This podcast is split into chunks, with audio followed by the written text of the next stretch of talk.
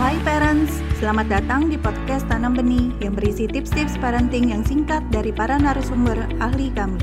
Untuk mendapatkan tips-tips terbaru kami, follow podcast Tanam Benih. Yuk kita dengarkan bersama. Nah, kalau kita lihat di sini peran orang tua dan orang dewasa lain di sekitarnya, misalnya guru, pengasuh, itu sangat penting buat anak, terutama orang tua, karena itu adalah figur yang paling dekat dengan. Nah, di sini ada beberapa hal yang bisa dilakukan oleh orang tua untuk bisa meningkatkan keterampilan sosial anak usia 6 sampai 12 tahun. Kita lihat tadi dari aspek yang pertama yaitu aspek pengenalan diri. Nah, diharapkan orang tua bisa melakukan eksplorasi terhadap kompetensi dan juga minat-minat anak. Jadi ini adalah usia di mana anak itu mengeksplor kemampuan dia sebanyak-banyaknya. Kalau kita lihat dari tahap perkembangan Erik Erikson yaitu psikososial, anak-anak 6 sampai 12 tahun berada di dalam tahap industri versus inferiority, yaitu tahap di mana anak-anak itu belajar mengetahui bahwa saya itu bisanya apa sih Nah, saya bisanya apa itu sangat penting supaya dia mendapatkan penghargaan terhadap dirinya yang terutama dia lakukan terhadap dirinya sendiri. Jadi dengan kata lain dia bisa menghargai dirinya sendiri. Nah sehingga kalau kita lihat di 6 sampai 12 tahun ini kan tahap sekolah. Jadi yang pertama anak itu perlu merasa bahwa dia mampu dalam hal akademik. Ya. Nah akademik ini tentunya contohnya berkaitan dengan nilai, dengan apa yang dia pahami pada saat guru menerangkan. Nah sehingga penting buat orang tua itu untuk mengikuti perkembangan akademis anak. Jadi kita nggak bisa cuma bilang bahwa dia kan udah besar, biarin dia belajar sendiri. Dia kan udah besar, dia bisa ngerti sendirilah. Kalau dia nggak bisa, dia pasti akan nanya sendiri. Nah, nggak semua anak punya social skill seperti itu. Jadi orang tua itu perlu melihat, oke, okay, kamu sudah sampai di mana materinya? Apa yang susah dari sini? Kalau perlu sekali-sekali bikin soal yang dia bilang udah ngerti itu, kita bikinin soal, kita tes aja sedikit-sedikit. Coba mama tahu, mama mau lihat aja nggak apa-apa kok gitu ya. Nah kita lihat. Nah kalau belum paham, kita bilang oke okay, kayaknya kamu emang sudah ngerti, cuman coba ya mama terangkan sekali lagi dalam dalam bahasa mama misalnya. Apa boleh juga karena ini kan meningkatkan kompetensi anak. Bisa juga kita meminta anak untuk menerangkan atau menjelaskan mengenai materi yang dia dapatkan dari sekolah kepada kita. Nah, dengan dia menerangkan kembali, maka kita bisa tahu bahwa seberapa pahamnya sih dia dan bagian mana yang dia masih belum uh, paham. Nah, seperti itu. Kemudian berikutnya dalam hal pengenalan diri ini berkaitan dengan kompetensi akademik, kita perlu terbuka dengan anak. Kasih tahu anak bahwa nggak apa-apa kok kalau memang nggak bisa ya. Nah kasih tahu aja ke mama, bicara ke mama, nanti kita akan cari tahu solusinya sama-sama. Nah, kalau bisa, misalnya pada saat sekolah itu kan biasa kan kalau namanya belajar kan ada bab-babnya lah ya, bab satu, bab dua, bab tiga. Pastikan sebelum dia pindah ke bab berikutnya, dia benar-benar sudah paham, bukan hafal ya, tapi paham tentang apa yang dipelajari di bab pertama.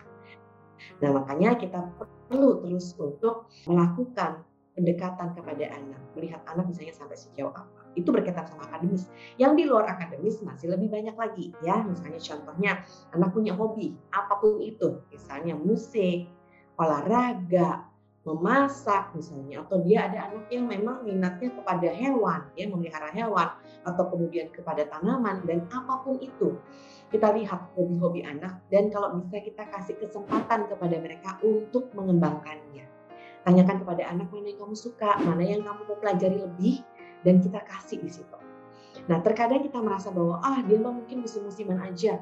Hari ini suka musik, belum tentu nanti tiga bulan lagi masih suka musik. Enggak apa-apa. Namanya anak masih berada dalam tahap eksplor. Dia justru perlu mencari tahu. Dia coba-coba-coba semua dikit-dikit dikit-dikit dan dia akan tahu yang mana yang akan nanti bertahan dan paling dia suka.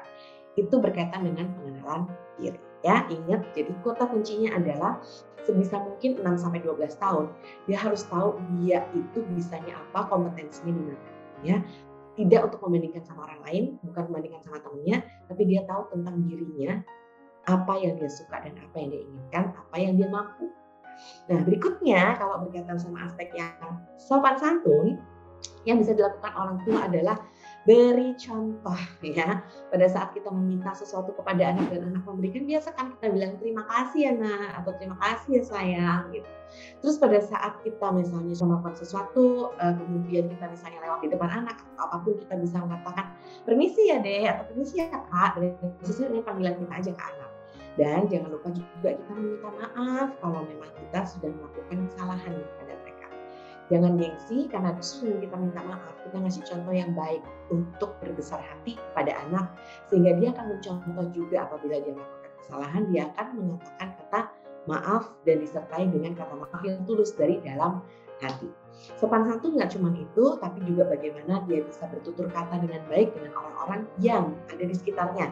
Baik itu orang dewasa, ataupun yang sebaya, ataupun yang lebih kecil dari pada dia. Latih itu dalam keseharian, misalnya contohnya pada saat ada tamu datang ke rumah, kita ajak anak untuk menyambut tamu. Pada saat anak itu misalnya kita bawa bertamu atau bersilaturahmi, ajak anak untuk menyapa yang punya rumah dan berpamitan pada saat dia mau pulang. Itu adalah contoh sopan santun. Dan aspek selanjutnya yaitu mengendalikan emosi yang bisa dilakukan orang tua adalah kita sampaikan kepada anak bahwa emosi apa pun itu adalah wajar dan baik mau marah, mau sedih, kecewa, mau kamu sakit hati, itu adalah emosi yang semua itu wajar. Yang bisa dilakukan, misalnya contohnya pada saat kamu sedih, ya, kamu bisa kita kasih contoh beberapa. Misalnya kamu bisa menenangkan diri dengan menarik nafas, kamu bisa tulis tulis apa yang buat kamu sedih, atau kamu bisa langsung berbicara ya sama ayah atau sama bunda tentang kesedihan kamu. Demikian pula pada saat kamu marah, kita bisa minta mereka untuk cari tahu pada saat marah apa yang bisa dilakukan yang bisa menenangkan dirinya ya. Misalnya ada anak yang bisa menenangkan dengan cara dia jalan-jalan aja mengilir mudik ada yang dengan mendengarkan musik. Ada yang harus dengan melakukan relaksasi pernapasan nah ajarkan dia bagaimana cara melakukan relaksasi ya.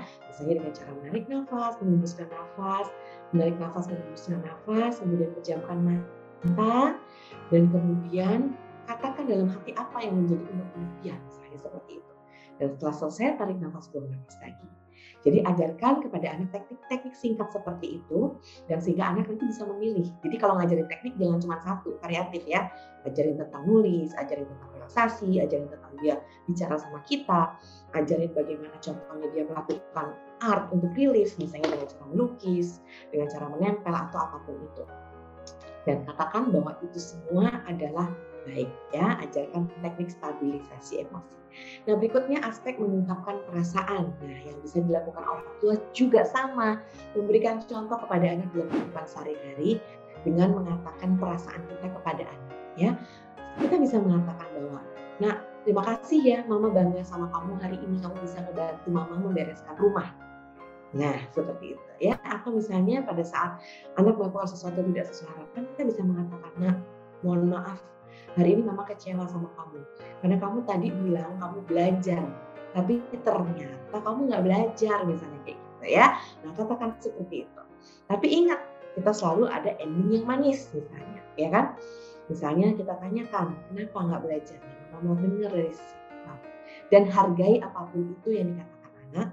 Dan kemudian tutup itu dengan indah yaitu dengan mengatakan pada dia nggak apa-apa kalau hari ini kamu sudah melakukan kesalahan, tapi mama harap titik-titik gitu ya. Mama harap lain kali kamu bisa lebih jujur dan bertanggung jawab sama diri kamu sendiri. Misalnya seperti itu. Dan ingat itu semua sumbernya dari orang tua yang memberikan contoh, yang mengajak ngomong ke anak. Nah aspek berikutnya adalah juga mendengarkan orang lain untuk bicara. Sama banget. Jadi orang tua juga mesti ngasih yang namanya contoh pada saat anak itu berbicara kepada kita, kita dengarkan dia dengan baik. Jangan cenderung potong-potong atau ngasih asumsi-asumsi di awal. Jadi dengarkan dengan baik, dia sudah selesai bercerita, baru kemudian kita berikan pendapat, berikan masukan, berikan pertanyaan kepada anak. Ya. Nah, aspek berikutnya adalah ngikutin aturan. Sama, kita kasih tahu bahwa di rumah ada aturannya loh.